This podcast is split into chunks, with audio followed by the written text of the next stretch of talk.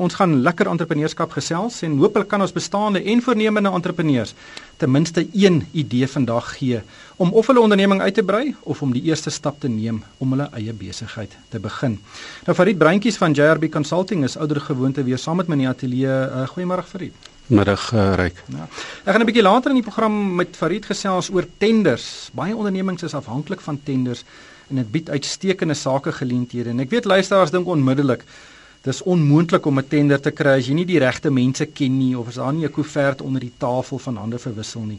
Maar glo dit of nie baie tenders in die private sektor en by regeringsinstellings word eerlik toegeken en bied uitstekende sakegeleenthede. En ek kan vir u gaan lekker in diepte oor hierdie onderwerp gesels. Luisteraars is welkom om aan hierdie gesprek deel te neem. Stuur gerus vir my 'n SMS by 3343 met vrae en opmerkings. Daai SMS kos natuurlik R1.50 en ek sal daai vrae aan Farid stel. Maar soos gewoonlik begin ons die program met 'n gesprek met 'n suksesvolle entrepreneur en vandag se entrepreneur is Frans Stroeweg. Hy is 'n ingenieur en een van die stigterslede van Ikubu, 'n onderneming in Stellenbosch.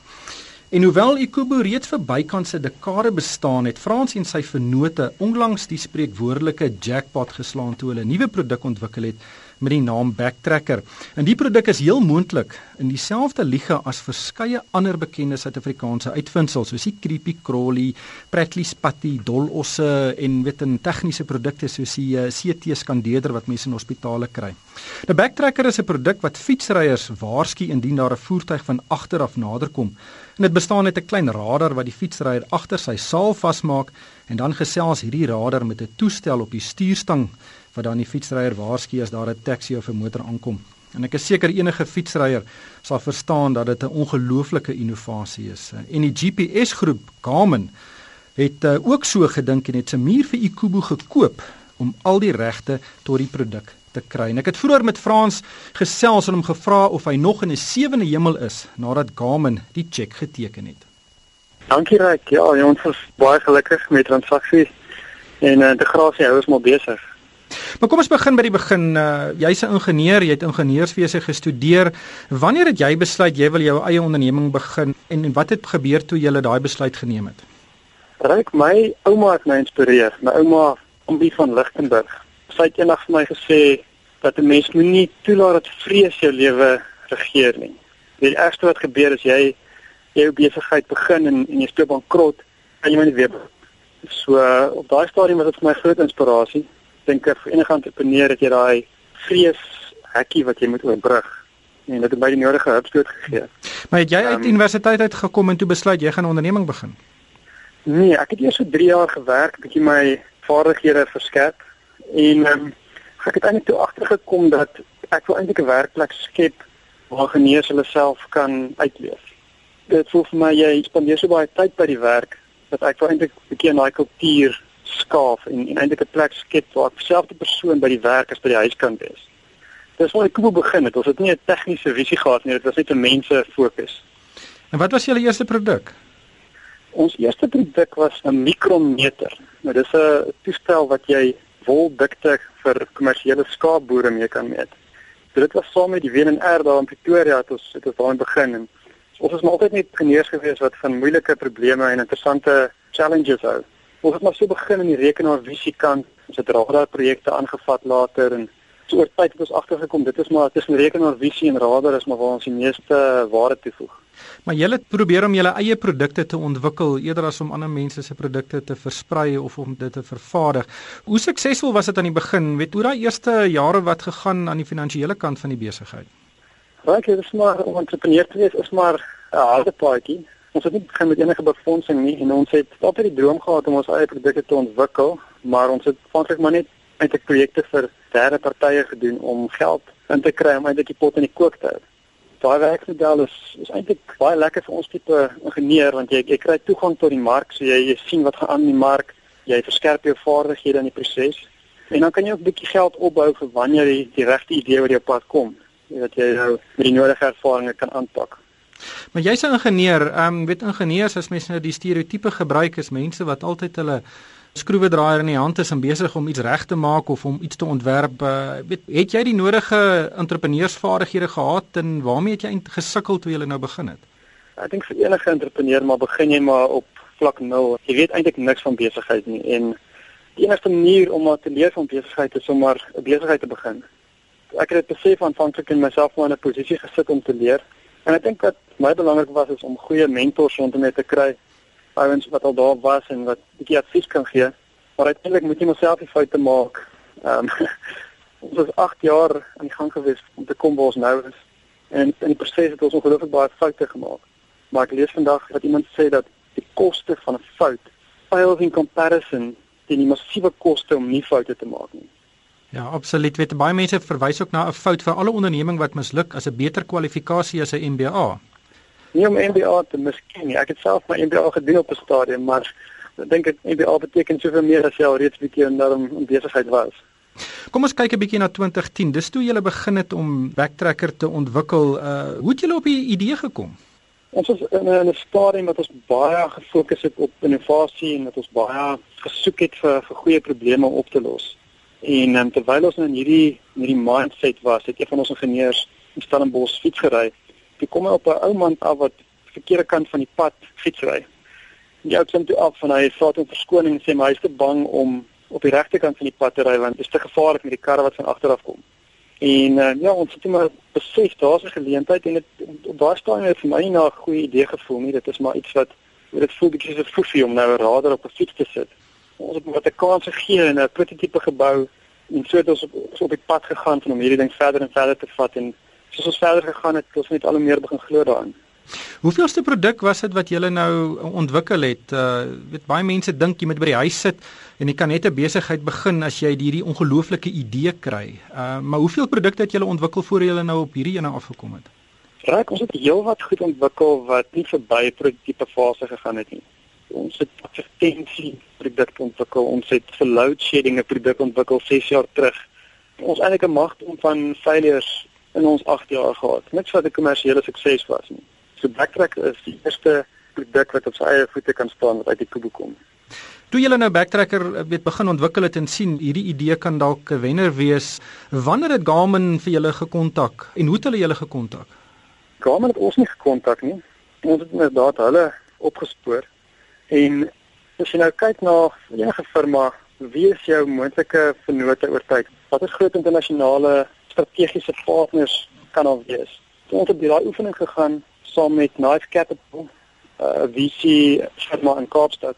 En dit het ons gesien dat Garmin is 'n groot potensiële vennoot of 'n uh, exit partner vir ons. En ons het dit toe van 'n paar kante af genader. Ons het hulle op LinkedIn met ons baie hulle geadverteer. Ons het 'n baie goeie review gekry van DC Rainmaker. Nou dit is 'n uh, webblad wat fietsprodukte toets en hulle nou skryf wat hulle ervaring daarvan is. En ons het nie eens geweet op daai stadium maar hierdie ouens word baie gerespekteer deur Garmin. So hele Garmin het hierdie review gesien van Backtracker wat baie positief was. En toe laastens was daar 'n dame in Stellenbosch wat een van ons eenhede oor see gevat het om 'n bietjie te demonstreer daar vir mense en toe wys hy dit vir een van Garmin se toetsers. En het ons my toegang gekry tot 'n bietjie van 'n e-mail gesprek wat hierdie toetser met van die Garmin mense gehad het. En dit het ons dan die kans gegee om by die Eurobike fietskou daarso in Duitsland uiteindelik met die Garmin mense te ontmoet. So dis maar 'n lang paadjie van 'n klomp kante af, elke moontlike roete wat beskikbaar is, maar probeer tot ons by die regte mense uitgekom het daar. Wanneer kan ons nou die eerste kommersiële produk van Garmin af verwag wat julle tegnologie gebruik? Ryk, ongelukkig kan ek nie vir 'n datum daar gee nie. Daar's baie interessante goed in die pipeline en ons is baie opgewonde oor wat voor lê. Garmin is besig om ongelooflike waarde te voeg bo op ons tegnologie. Ons verwag groot dinge. Hoe het julle hierdie hele projek gefinansier? Weet om vir 4 of 5 jaar lank 'n produk te ontwikkel sonder om inkomste te kry daaruit is baie duur. Hoe het julle dit gefinansier? Ons het maar deurgangs projekte vir derde partye gedoen. Ons het baie min eintlik die kans gehad om te fokus op 'n produk om een of twee mense te kry om te fokus op 'n produk. So dit is 'n tipe van 'n skankooks oefening wat mense maar so aan die kant te ding doen. Ek dink ons was baie konservatief finansiëel, so ons het altyd geld op sy gesit en een van Knife Capital se inspirasies gewees dat hulle in 2014 vir ons gesê dat ons het nou al die geld in die bank, wat gaan ons daarmee doen? En ons het besef maar dis nou die tyd om hierdie geld aan te wend. Dit was nou ons crowdfunding campaign in uh, in 2014 om mekaar gesit. Maar dit klink dalk 'n bietjie vreemd ons ons spandeer geld om crowdfunding te doen skare finansiering. So hoekom hoekom wil jy geld spandeer om nou daai geld te kry? Nou, wat wat wat is um, skare finansiering presies? dit gaan glad nie oor finansiering nie. Dit gaan eintlik net oor bemarking. So skare finansiering is een of ander platform soos Kickstarter waar jy 'n produk op adverteer en wat jy sê as jy 'n sekere aantal ondersteuning kan kry of as mense pledge om 'n sekere bedrag te betaal vir 'n produk teen 'n sekere tyd, dan sal jy kan lewer. So in plaas van om een belegger te kry wat vir jou sê 'n miljoen rand gee, kry jy nou 1000 beleggers wat elkeen vir jou 1000 rand gee. Maar eintlik in praktyk gaan dit net oor bemarking. So skadefinansiering gaan nie oor geld nie. Dit is net 'n fantastiese manier om vir die res van die wêreld te wys wie jy is, wat jy doen en om eintlik ongelooflike pers te kry. Fransa, julle word nou ou werknemers van Garmin. Hoe gaan dit nou voel om vir 'n groot koöperatiewe maatskappy te werk? Ek dink nogal dat Garmin is uitsonderlike maatskappy wat eintlik 'n baie small company gevoel aan hulle het. So tot dusver is is dit nie vir my vreeslik anders nie. Ek dink wat wat lekker is en is pas iemand wat ons salarisse betaal, ons is nie daaroor te worry nie. Ons ons het iemand wat um, ons ondersteun op op die HR kant. Net as ons 'n nuwe spektrum analiseerder moet kry en dit kos 2 of 3 miljoen rand dan gebeur dit net. So vir dinge is vir ons dan seker makliker. Ons kan fokus op die werk wat ons wil doen. Wel as baie mense wat nou by die huis sit en luister hierna en, en weet dit is regtig 'n inspirerende storie. Hoe moeilik is dit om met so 'n groot idee regtig suksesvol te wees? Is dit maar uh, die geluk van uh, iemand wat regtig met 'n baie goeie idee vorendag kom of kan 'n mens regtig begin werk om weet 'n kultuur binne 'n onderneming te skep dat sulke produkte eintlik uh, gereeld ontwikkel word? Ek dink dit is 'n baie moeilike vraag. Dit ons sukses behaal en ek dink dat in 99% van die gevalle wat mense dalk alles doen wat ons gedoen het, sou jy nie sukses behaal nie. Ek dink elke besigheid het sy eie paadjie. Ek dink vir Suid-Afrikaanse besighede is dit baie moeilik om jouself in mark by te kom.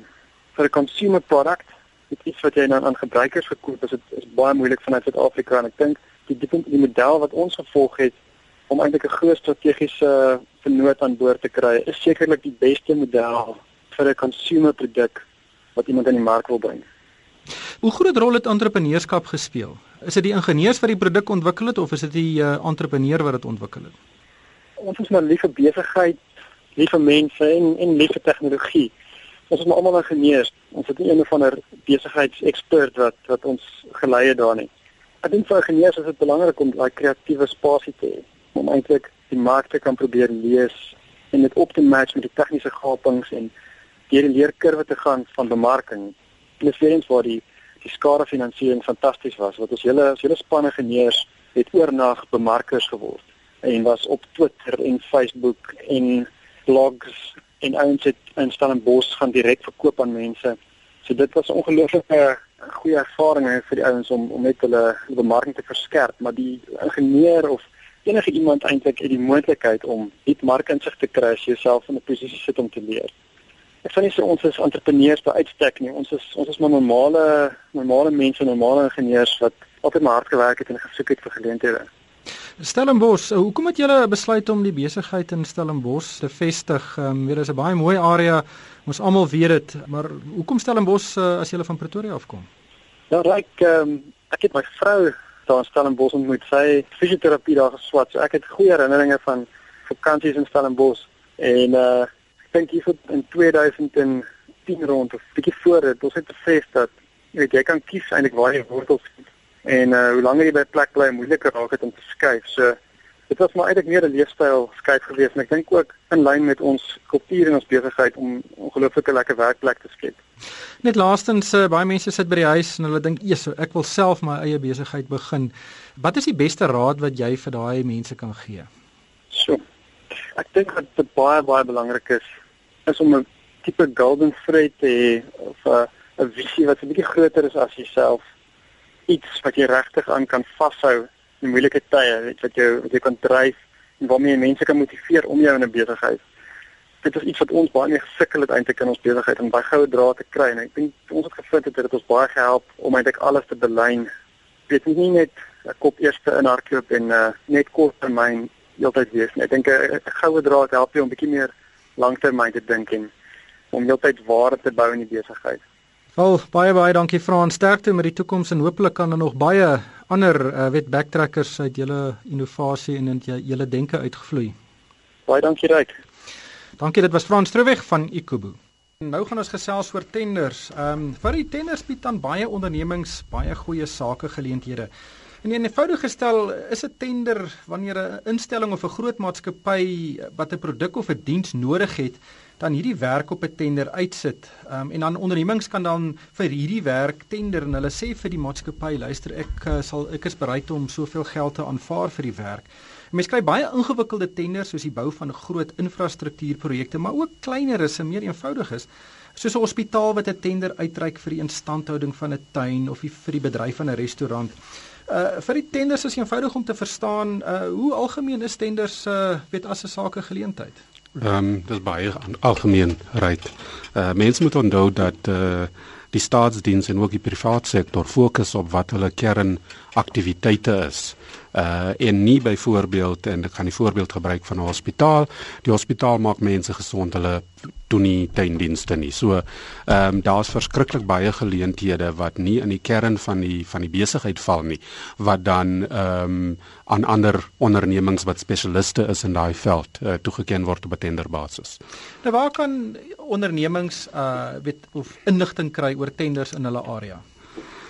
Daar's 'n verskeidenheid van plaaslike en nasionale uh aanlyn tender bulletins uh wat beskikbaar is. Van hulle kan jy op uh, 'n subskripsiebasis bykom en ander ander is is jy soek maar net en jy kry jou plaaslike regeringsin. 'n Tweede plek is natuurlik tenders word gereeld in die uh, plaaslike media geadverteer en jy moet maar deur dit blaai en kyk waarin jy belangstel. Maar kom ons gebruik 'n voorbeeld. Uh weet kom ons gebruik weer die hospitaal en en en wat graag 'n tender uitreik vir tuindienste om die tuin in stand te hou. En daar's 'n onderneming ABC tuindienste. Hulle wil graag vir hierdie tender aansoek doen. Uh wat is die administratiewe proses? Normaalweg uh, begin dit by die afhaal van uh, tenderdokumente en die eerste vergadering met die hospitaal in hierdie geval. So uh almal wat belangstel word genooi na 'n vergadering toe, dokumente word uitgedeel uh en daar word presies verduidelik wat verwag word. Uh dis jou dis jou eerste stap. En dan jou tweede stap gaan maar jy moet begin om jou dokumentasie in te dien. Watter dokumentasie is dit? Ryk dit dit begin maar oor oorwegend met jou met jou tender dokument self, dis die dokument wat jy voltooi. Ehm um, in Engels dis, dis nou die dokument wat die hospitaal saamstel. Wat, Ons wil hê jy moet A B en C doen. Ja. En en dit is die vorm en formaat waarin ons jou tender dan nou wel wil sien. Jou jou tenderdokument of voltooide tenderdokument word vergesel byvoorbeeld deur maatskappydokumente, gesertifiseerde afskrifte, deur 'n onlangse belastingklaring, deur uh jou uh swart bemagtiging sertifikaat, uh deur jou pryskedule en en 'n hele klomp aanhangsels. Ehm um, maar hierdie dokumente wat wel benodig word word vir jou duidelik uiteengesit in jou hooftenderdokument wat jy uit afhaal. Hmm. Uh, vir daar is 'n persepsie dat tenders gewoonlik met korrupsie en nepotisme gepaard gaan veral by regeringsinstellings. Uh, is dit die geval? Ja, ryk ehm um, ek dink die nuus is redelik vol van van tenders waar daar probleme uh ontstaan het. Mense moet onthou dat in die staatsdiens werk ons met belastingbetalers geld. Daar's prosesse en en wanneer mense probeer om dit te manipuleer, ehm um, skep dit 'n probleem in die sin dat die staat dan dienste en produkte moet verkry wat nie noodwendig op 'n uh, op 'n kompeterende basis verkry word nie. Ek wil my egter verstout en sê dit wat ons in die media sien is die kleiner minderheid uh dat oorwegend daar dat die tenderproses uh wel ehm um, goed werk dat dat dat aankope wel op 'n ordentlike manier geskied. Maar ons ons moet weet as die publiek dat daar wel sulke gevalle is, maar ek wil sê 80-90% van die gevalle is is dit 'n proses wat werklik goed werk. Ek sien hier 'n SMS van anoniem wat vra uh word tenders net toegeken aan ondernemings wat die laagste pryse vra vir werk. Ehm um, glad nie, geheel en al nie. Ehm um, Die die persoon wat 'n tender aanvra soek 'n produk of 'n diens teen die die beste prys maar ook die beste kwaliteit produk van lewering. Ehm um, en en die maklikste manier om dit te verduidelik uh sal byvoorbeeld wees indien die hospitaal papier moet aankoop. Die hospitaal, jy kry verskillende kwaliteit papier en die hospitaal het dalk 'n standaard van papier wat hulle wil gebruik. Ehm um, en die ou wat inkom met die goedkoper kwotasie baie keer kwoteer vir 'n substandaard uh papier. Ehm um, so dis nie noodwendig. Prys is een van die komponente waarop hulle die evaluasie doen, maar dit is definitief nie al die komponente nie. Hier's nog 'n SMS. Uh, hoe belangrik is bemagtiging by die toekenning van tenders vir al regeringstenders? Daar daar is 'n 20% 10 tot 10 tot 20% faktor wat na die bemagtiging kyk. Ehm um, en en wanneer ons bemagtiging praat, uh, moet ons onthou dat ons nie na die noue bemag, bemagtiging in terme van eienaarskap kyk nie, maar wel die breër pilare van van die wetgewing en regulasies rondom bemagtiging. Ehm um, en en dan weliswaar dit waarop ehm um, jy ehm um, dit waarop jou jou rating is dis die woord wat hulle gebruik waarop jou rating gebaseer is. So bemagtiging speel 'n rol, maar dit is wragtig nie die die grootste rol wat gespeel word in terme van die toekenning nie. Baie tenders, weet baie tenders is ook te groot vir een onderneming. Ehm um, en dan staan 'n klomp uh, ondernemings saam, hulle vorm 'n vennootskap om vir spesifiek een tender aansoek te doen. Hoe algemeen is dit? Is redelik algemeen vir uh, 'n paar ondernemings om 'n konsortium, 'n tender konsortium bymekaar te sit uh en te sê maar ons is ons is spesialiste in 'n spesifieke gebied. Uh maar gesamentlik is ons baie groter. En baie keer is van hierdie ondernemings eintlik kompetisie maar dan werk hulle saam op 'n spesifieke tender. Hmm, jy sien dit baie in die boubedryf. Ehm um, laastens uh, ek, ek het hier 'n weet 'n SMS van Gerda.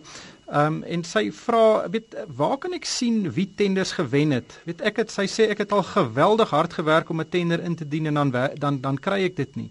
Maar ek sou baie graag die tender wou sien van die persoon wat wel gewen het. Is daar so 'n diens beskikbaar? Ja, dit is gewoonlik op die webtuiste van die uh, onderneming wat die tender uitgesit het aan die begin. Hmm. Maar tenders is baie harde werk. Jy moet regtig ure en ure insit en seker maak dat die prys wat jy vra, ehm um, weet is die regte prys van dis die prys wat jy gaan kry. As jy sekere uh, elemente van die werk nie in ag neem as jy tender nie, gaan jy nog steeds sy werk moet doen en jy kan 'n verlies ly op 'n tender. Jy kan inderdaad 'n verlies ly, ehm um, en uh, dit is harde werk om net die tender te bekom. Uh die papierwerk is nog nogal redelik baie en en dit kan harde werk wees. So wees bitter versigtig wanneer jy jou prys uh uitwerk rondom dit. Wat is jou jou raad vir iemand wat nou graag met tenders uh hulle onderneming wil uitbrei? Wat wat is die die die die belangrikste goed wat daai persoon in gedagte moet hou? Ehm um, die belangrikste ding is om te onthou dat uh, jy 'n bevoegdheid aan die dag moet lê dat jy uh, moet verstaan hoe tenders goedgekeur word wat die keuringsproses is en dat jy jou tenderdokumente dienooreenkomstig ehm uh, uh, voorberei om om in gedagte te hou wat die keuringsproses is. Ongelukkig het die tyd ons ingehaal en 'n potgooi van hierdie program sal later op die RSG webwerf beskikbaar wees. Uh, baie dankie vir die breintjies van Jerby Consulting. Dankie dat jy ingekom het. Dankie Ryk. En doen jou eie ding is weer op uh, 24 Maart terug en dan gesels ons weer lekker oor entrepreneurskap. Dankie vir die saamluister.